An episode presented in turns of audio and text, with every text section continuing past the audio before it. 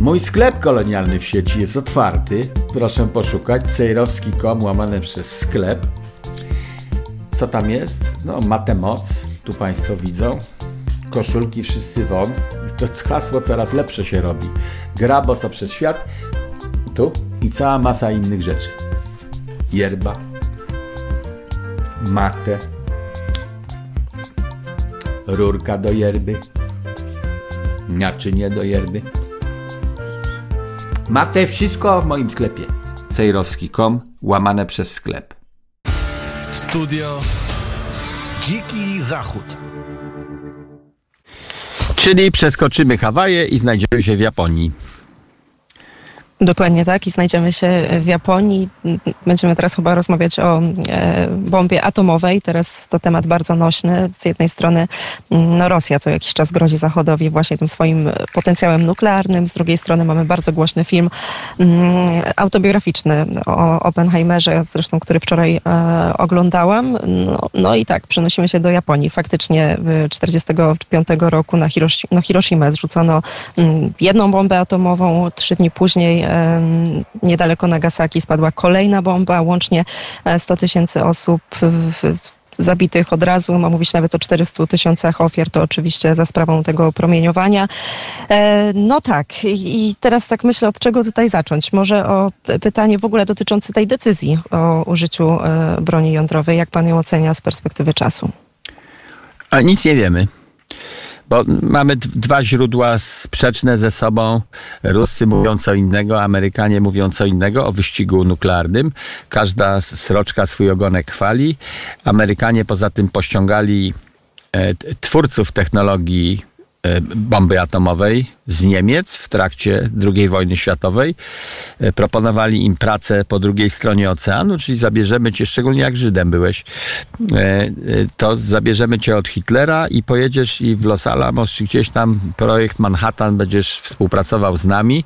I, i ci naukowcy nie mieli cienia zastrzeżeń. Tak jak w Niemczech hitlerowskich można by tłumaczyć ich pracę nad bombą atomową, nie nad elektrownią, nie nad technologią, która miałaby produkować prąd do domu. Tylko tam od początku był wyścig zbrojeń. No były inne czasy, człowiek na to inaczej patrzył, ale y, kiedy pracowali dla Hitlera w Niemczech, można było ich tłumaczyć tym, że e, no Hitler po prostu zabijał, jak nie chciałeś współpracować. Naukowców e, sowieckich też można tłumaczyć, że Stalin zabijał. Albo pracujesz ze mną, albo idziesz na Syberię i tam nic nie dostaniesz. To może, może cię ześlemy do szaraszki, do takiego zakładu, gdzie naukowcy coś robią, mają kitle, posiłki, dobre życie, mogą nawet mieć żonę i dzieci, tylko nie wolno im się w, poza teren wioski naukowej przemieszczać i mają przynosić e, rezultaty. No więc można oceniać współpracę naukowców z Hitlerem i ze Stalinem jako wymuszoną. Natomiast to, że oni potem y, zabrani do Ameryki bardzo grzecznie współpracowali z Amerykanami i z pewnym zapałem produkowali śmiercionośne urządzenie, przecież wiedzieli, co to zrobi, to to już mnie y, niepokoi. No, no ale chyba, tak że wychodzili z założenia, że jeżeli, bo to, bo to jakby no, cały projekt Manhattan i to, że e, Truman wtedy wyłożył na niego tak duże pieniądze, czyli czy Truman, czy rząd Stanów Zjednoczonych, bo, bo przecież pierwotnie to chyba było 6 tysięcy dolarów i bardzo wąska grupa ludzi, skończyło się na 2 miliardach e, i na bodajże 130 e, tysiącach osób zaangażowanych w ten projekt, no to chyba, że była, była, było takie myślenie, bo od tego się zaczęło, że Niemcy są już bardzo blisko, stąd też e, list podpisany przecież przez Einsteina i dostarczony mm, do prezydenta prezydenta Stanów Zjednoczonych, że jeżeli my nie wejdziemy do tego wyścigu, no to będą miały ją Niemcy, a to jest dużo większe zagrożenie. Zresztą pierwotnie przecież ta bomba miała spaść na Berlin. E, uderzyli na Japonię, bo Berlin skapitulował tak naprawdę. To była kwestia kilku dni. Więc tutaj pytanie jakby w, o, o kwestie etyczne, no to też to trzeba spojrzeć, że to były trochę dwie strony medalu. Być może oni tak myśleli. No, być może. Spytała mnie pani o ocenę. To za mało mamy cały czas faktów. Część rzeczy jest utajniona, bo jest dla Amerykanów na przykład wstydliwa, że sprowadzili całą masę SS-manów, o których wiedzieli, że to są SS-mani, ale byli im do czegoś potrzebni. E, I powstawały przecież te, takie grupy do wyłapywania tych SS-manów na terenie Stanów Zjednoczonych, żeby w, na nich wyroki śmierci wykonać. Skoro państwo tego nie robi, skoro daje im paszporty, ukrywa, e, daje im drugi życiorys, no to chcemy nie ma sądów, to pojawiają się samosądy. Więc Amerykanie wessali na swój teren całą masę użytecznych bandytów. E, tak I samo, tak samo jak komunistów tym. też. Tak, nie chwalą się tym, no bo to jest wstydliwe, e, a jednocześnie z jakiegoś powodu władze amerykańskiej było potrzebne, chcieli tego, no to się nie chwalą, czyli mamy mało danych. Mamy mało danych, żeby oceniać tę historię. A lepiej gadać teraz, myślę, o bombach nie tamtych, chociaż e, dzisiaj w kościele wspomniano, że jest święto świętego Maksymiliana Kolbe który zakładał w, jednych, w jednym z tych miast, Hiroshima i Nagasaki, dwie pierwsze bomby. E, no, założył klasztor i ten klasztor przetrwał. W drugim miejscu, w Hiroshimie, był cud większy nawet. Ten cud Maksymiliana Kolbe polegał na tym, że e, Wbrew Japończykom, on postanowił klasztor wybudować po złej stronie góry. No i ta góra ten klasztor osłoniła, w związku z tym nic mu się nie stało w trakcie wybuchu, bo był osłonięty górą. To se można tak tłumaczyć. Natomiast e, w Hiroshimie zmiotło całe miasto. Epicentrum wybuchu było 1300 metrów od klasztoru jezuitów, w którym oni modlili się na różańcu.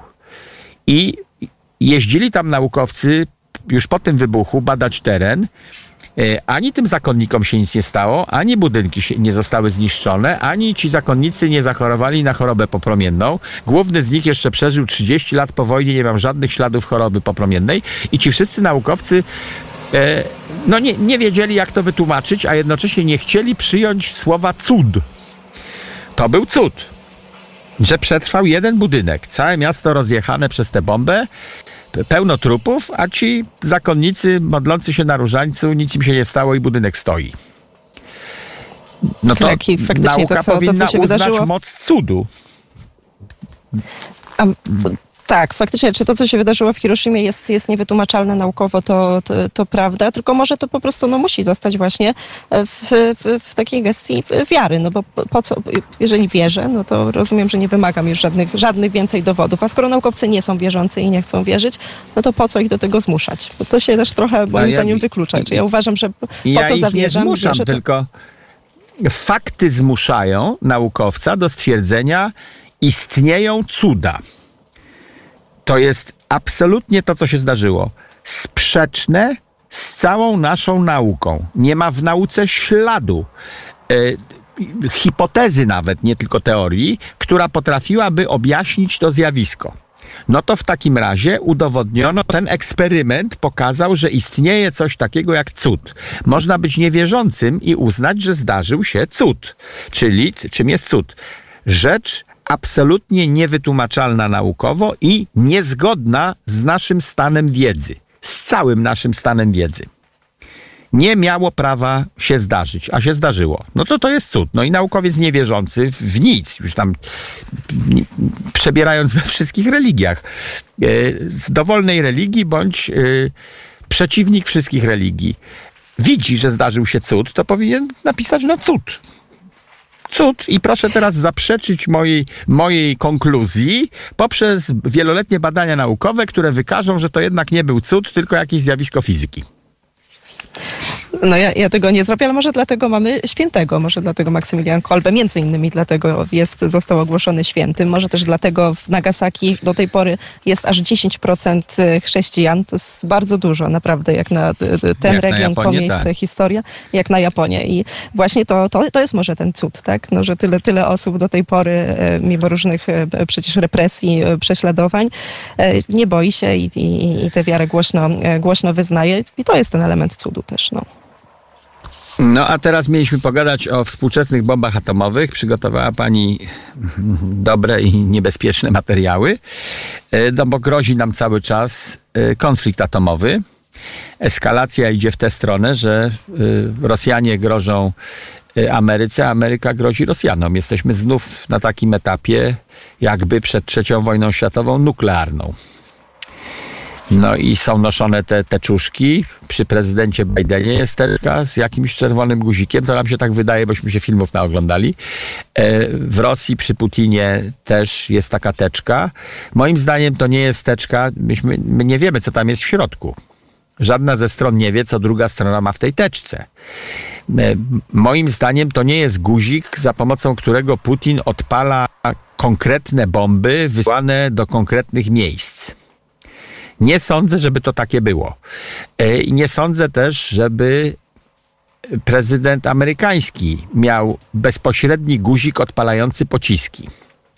Tylko to jest pewnie guzik do wydawania rozkazu, który potem ktoś musi wykonać. I zebrała pani dane, z których wynika, że Amerykanie mają trochę więcej pocisków niż Rosjanie, nuklearnych. Oraz, tak że Amerykanie mają lepszy sprzęt i więcej tego sprzętu do przenoszenia pocisków, bo sam pocisk może być albo rakietą, która sama gdzieś poleci, albo trzeba to przewieźć yy, i odpalić. No to trzeba mieć też sprzęt do przewożenia. Sama głowica to jeszcze za mało. Sama głowica to nam może w magazynie wybuchnąć. Więc jak mamy magazyn pełen głowic, to jeszcze musimy mieć jakiś sposób dostarczenia tych głowic w miejsce, gdzie mają wybuchnąć. No to takich sposobów sprzętu, infrastrukturę do przenoszenia Amerykanie mają więcej. E, natomiast Rosjanie moim zdaniem mają więcej chęci. E, kilka filmów oglądałem tych katastroficznych i tak dalej, albo fikcja polityczna, w których są takie sceny jak najbardziej naturalne dla Amerykanów, że ktoś wydaje rozkaz, a tych dwóch gości, którzy mają nacisnąć dwa guziki na hasło, stoi dwóch gości, jeden ma guzik i drugi ma guzik i jak nie nacisną obaj w tym samym momencie, to rakieta nie poleci. I oni, tych dwóch, na rozkaz prezydenta, oni wiedzą, że jak nacisnę ten guzik, to wyparuje Moskwa.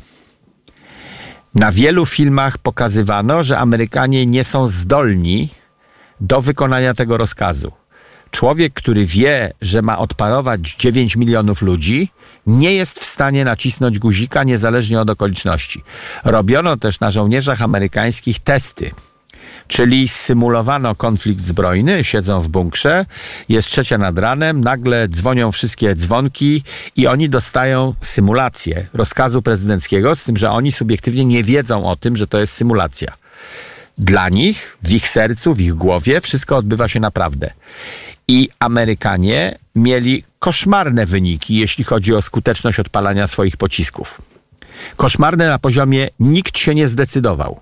Czyli Amerykanie nie mają ludzi, nie mają żołnierzy, którzy wykonają rozkaz prezydenta, nawet gdyby Biden nacisnął czerwony guzik. Natomiast Rosjanie, moim zdaniem, nie będą się zastanawiać zbyt długo, bo to są gieroje i tam rozkaz przyszedł z Moskwy, to on naciśnie guzik, bo co mu tam. Mój dziadek sprowadzał kakao z Peru do swojego sklepu kolonialnego przed wojną. I ja robię to samo teraz. Prawdziwe, kostki, bryłki, pasta pachnące, prawdziwe, bez żadnych dodatków, kakao z Peru. Cejrowski.com, łamane przez sklep. I pachnie. Mm, to e, jest to taka ciekawa koncepcja, taki, ale ja mam nadzieję, mieć, że. Można mieć dużo mniej pocisków, a być bardziej skutecznym, bo ja je wystrzelę, a druga strona ma 20 tysięcy więcej pocisków ode mnie, ale nie wystrzeli żadnego sama przewaga znaczy, Rosja ogólnie mało. tych tak, Rosja ogólnie tych pocisków ma więcej. To jest tylko pytanie o jakość, no i też niewiele na temat y, całego tego, tego, że tak powiem, systemu, tej struktury atomowej Rosji, no niewiele wiadomo, bo mówi się tam, że mogą być jeszcze przestarzałe w, w, w, ogólnie braki w kadrach. My tego po prostu nie wiemy, a może mają najwięcej i może mają najlepsze na świecie, bo dbali o to przez tyle lat. Tego, tego nikt nie wie, to jest owiane tajemnicą. Co do tego użycia, to nie jest faktycznie żaden czerwony przycisk. Też mało o tym wiemy. Wiemy, że jest procedura, która została w Rosji zapisana w dokumencie z 20 roku, 2020 roku zatytułowanym Podstawowe zasady polityki państwowej Federacji Rosyjskiej. Wiemy, że tą decyzję jakby podejmuje prezydent Rosji, ale w tym celu e, musi po prostu wysłać rozkaz do sztabu generalnego i tam już są też odpowiedni ludzie. Nie jest tak, że może jakiś przycisk, czy przez tylko jeden rozkaz i to wystarczy i oni już to wykonują. Mm, to, to jest zależne od większej ilości osób. Zresztą tak tak musi być, bo, bo nie można takiej odpowiedzialności zrzucić na barki jednego człowieka, bo przecież no, każdy ma jakąś też konstrukcję psychiczną, różne rzeczy mogą się zdarzyć. E, I też właśnie tutaj mam nadzieję, że w przypadku Ameryki nie jest jednak, e, nie są ta, tak dobierani ludzie, którzy siedzą gdzieś w sztabach generalnych, którzy odpowiadają za użycie, nie wiem, nawet tych, tej mniejszej broni, bo teraz przecież mamy te głowice nuklearne, to już jest broń mniejszego kalibru, ale to nie są ludzie, którzy będą się e, kierowali jakimiś aspektami swojej delikatnej konstrukcji psychicznej, tylko to są już wyszkoleni ludzie na odpowiednich miejscach. Mam nadzieję, że tutaj to w, w, ta teza pańska się, się by nie sprawdziła w przyszłości. Czy w ogóle mam nadzieję, że nie dojdzie do takiej sytuacji, gdzie, gdzie będzie trzeba to sprawdzać. E, ale jeżeli już, to, to ten aspekt psychologiczny nie będzie tutaj odgrywał roli. Moja teza, że Amerykanie są bardziej mięk, miękcy i nie zdecydują się, bardziej ludzcy, że są, to byłoby bardziej celne sformułowanie. Są bardziej ludzcy i w związku z tym Żaden człowiek w Ameryce się nie zdecyduje na coś takiego. E, to jest no, moja póki teza. co jedyne dwa Ona ataki wyszły z, ze strony testami. amerykańskiej. A no, tak, te, ale testy, wtedy, dawno te, te, temu. Testami są... To co to znaczy, że tak, tak ci, ci Amerykanie się zmieni? No póki co były dwa ataki, które wyszły ze strony amerykańskiej. E, tak, tylko, uwaga, ci ludzie, którzy zrzucali bomby, nie wiedzieli, co zrzucają bo to był eksperyment. I po pierwszej bombie druga musiała y, spaść, dlatego że Japończycy uważali, że to jest prototyp, który Amerykanie upuścili i nie mają więcej. Nie mają następnych. E, w związku z tym nie chcieli się poddać po, nawet po tym pierwszym wybuchu. I stąd był drugi wybuch, żeby przekonać e, Japończyków oraz resztę świata, mamy tego więcej. To była informacja od Amerykanów, mamy więcej. Zrzuciliśmy dwie. Chcecie trzecią, czwartą, piątą? Nadal się generalitia japońska nie chciała poddać. E, to były czasy sprzed telewizji i komunikatorów szybkich. W związku z tym generałowie w Japonii, tak jak i ci żołnierze, którzy uczestniczyli w projekcie, oni nie wiedzieli, co się tam stało. Nie było transmisji telewizyjnej z gruzów, z tego wypalonego e, Nagasaki. I nie było zdjęć trupów. Wszyscy, obie strony, trzy strony, dziesięć stron tego rozdania, dowiedziały się o tym, czym jest bomba atomowa jakiś czas potem. Więc ci piloci, którzy wieźli pierwszą bombę, no oni nie mieli świadomości, co zrobią. Oni mieli świadomość, że jakiś tajny projekt, jakaś duża bomba i kończymy wojnę z Japonią. Mieli też doświadczenie tego, co Japończycy robili Amerykanom. To najbardziej okrutne wojsko było. E, Japończycy. Traktowanie więźniów, to o tym też mamy filmy. E, traktowanie, nieludzkie traktowanie wszystkich poza Japończykami przez Japończyków. To nawet Rosjanie ani doktor Mengele nie dopuszczali się takich zbrodni jak Japończycy. Wojna na Pacyfiku była najbardziej okrutna najbardziej nieludzka. I Amerykanie to wiedzieli, w związku z tym chcieli ją szybko skończyć. No i ten pilot poleciał, zrzucił, a potem miał problemy przez wiele lat sam ze sobą. I gdyby wiedział, co zrobi, to może by nie zrzucił tej bomby, tylko upuścił do oceanu. Dzisiaj mamy tę wiedzę. No więc twierdzę, że nie znajdzie się wielu ochotników do odpalenia rakiet. One są wprawdzie teraz delikatniejsze, jeśli chodzi o zniszczenia, bo nie chodzi o to, żeby rozwalić kompletnie przeciwnika, tylko żeby przejąć jego teren żeby go pokonać. Więc te bomby są bardziej celne, bardziej punktowe, promieniowanie jest dużo krótsze, bo chcemy zająć ten teren, a nie zniszczyć go, zrobić pustynię, na którą sami nie wiedziemy przez wiele dziesięcioleci. Gdyby Rosjanie teraz chcieli rzucić bombę na Warszawę, no to gdyby to była bomba taka, która e, spowoduje radiację na 50 lat do przodu, to nie mają korytarza do Niemiec a im chodzi o korytarz do Niemiec. W związku z tym, jak zrzucą jakąś bombę, to ona będzie taka delikatniejsza trochę, szybciej do posprzątania będzie ten teren gotów. To teraz pojawiła się informacja, że, że Rosjanie już e, te, też badają taką broń zupełnie najnowszej generacji, też broń atomową, ale która ma nie siać zniszczeń, czyli nie niszczyć jakby materii, a tylko i wyłącznie wytwarzać promieniowanie, czyli jakby będzie zabijała wszystko tak. to, co żywe, ale e, tu jeszcze tylko, znaczy, wydaje mi się, że o ile na przykład pierwsza bomba, która była zrzucona na Hiroshima, pan powiedział, nie wiedzieli, co robią, no ale od, od tamtej pory minęły trzy dni, przecież jednak obieg informacji, radio podawało te informacje na cały świat i po trzech dniach zrzucili kolejną, no wtedy już wiedzieli, poza tym 130 tysięcy osób zaangażowanych w projekt, w kręgach naukowych wszyscy przez lata wiedzieli, lata wcześniej, to przecież nie było tak, że fizycy, którzy pracowali w Niemczech, że von Braun, nie wiem, który, e, oni też ze sobą się kontaktowali, to nie, to nie było wszystko owiane tajemnicą. Ja tutaj się z tym nie zgodzę. Uważam, że wiedzieli, a już na pewno co wiedzieli, innego... co zrzucają na Nagasaki po trzech dniach. No. Co... Nie, po trzech dniach moim zdaniem w tamtym świecie nie wiedzieli. Żołnierze nie wiedzieli. E, natomiast ci naukowcy to są nerdy, teoretycy i on na papierku wiedział, co będzie, być może, dokonał wyliczeń, ale czym innym jest widzieć na papierku, y, w jakim promieniu wszystkie budynki zmiecie. To jeszcze może być dla kogoś takiego ekscytujące, że on robi taką bombę o takiej sile. E, natomiast jak zobaczy zdjęcia konkretnych osób, które leżą, tych 70 tysięcy trupów, to wtedy on się przenosi z poziomu naukowego, siła rażenia, kierunek rażenia, na poziom ludzki. Że te zwłoki wyglądają jak moja własna córka. I człowiek wtedy inaczej reaguje. Ten naukowiec przestaje być naukowcem, zaczyna być ojcem. Widzi trupy konkretnych osób i ja to zrobiłem. Moje wyliczenia ołówkiem na kartce papieru prowadzone przez wiele lat, zakończone sukcesem, mają smak krwi i trupów. No to człowieka zmienia. E, Sting śpiewał piosenkę o Oppenheimerze, że e, oni też kochają swoje dzieci. Była taka fraza u Stinga. Oppenheimer, Deadly Toy i tam coś taka fraza, że oni kochają swoje dzieci też. I dlatego nie powinniśmy stosować tej bomby, bo po obu stronach są też dzieci, żony, wujkowie e, i nie chcemy oglądać tych trupów we własnych snach.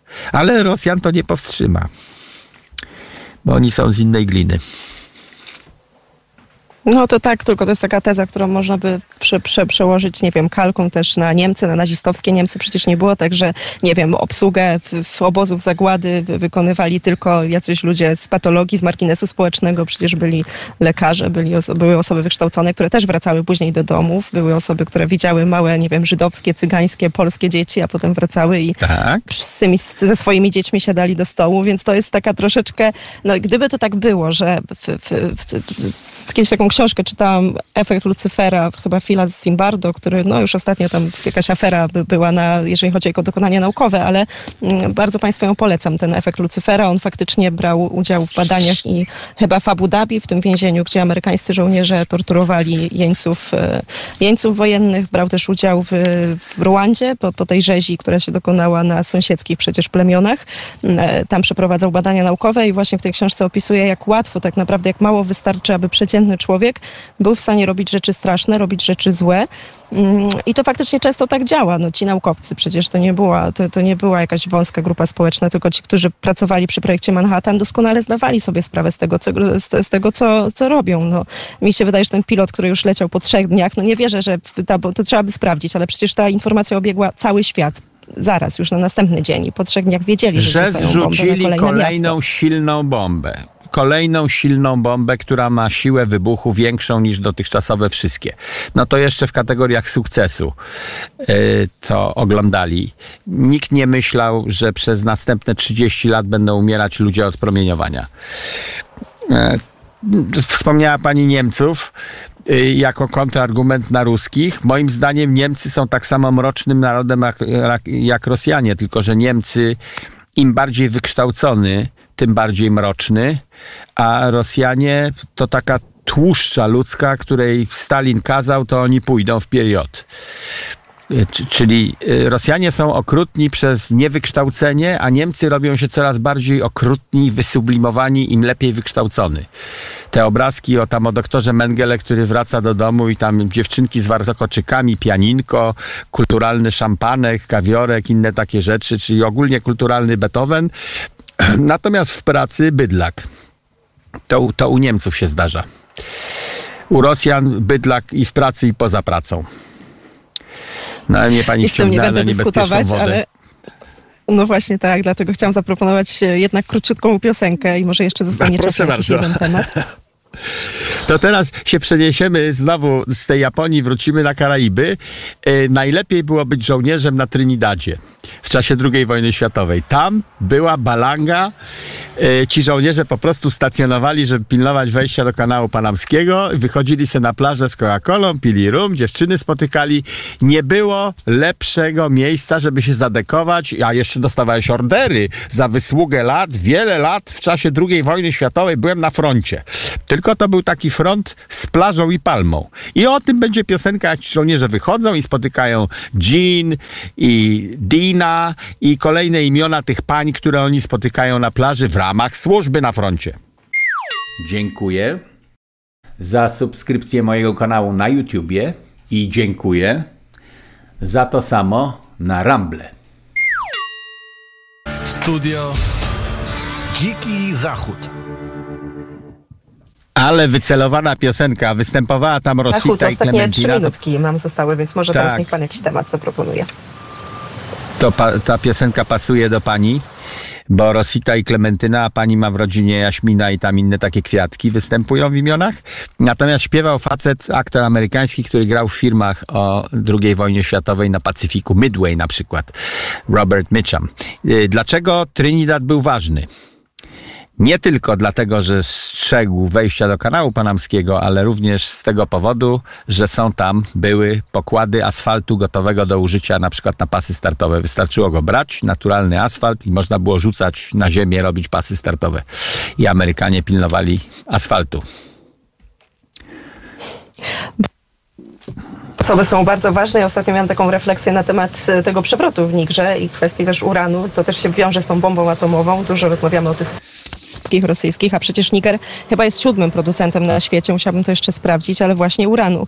I to też jest e, kolejna kwestia, o której mało się mówi, a jeżeli no jednak Ta, moim zdaniem Niger nie jest, nie, jest pro, mhm. nie jest producentem, tylko będzie eksploatowany przez Chińczyków albo Rosjan, bośmy nie zadbali o to, żeby e, cofnąć Niger w kierunku kolonializmu, czyli zająć nasze na przykład europejskie interesy, dzięki czemu Europa miałaby własne źródło uranu którego nie ma.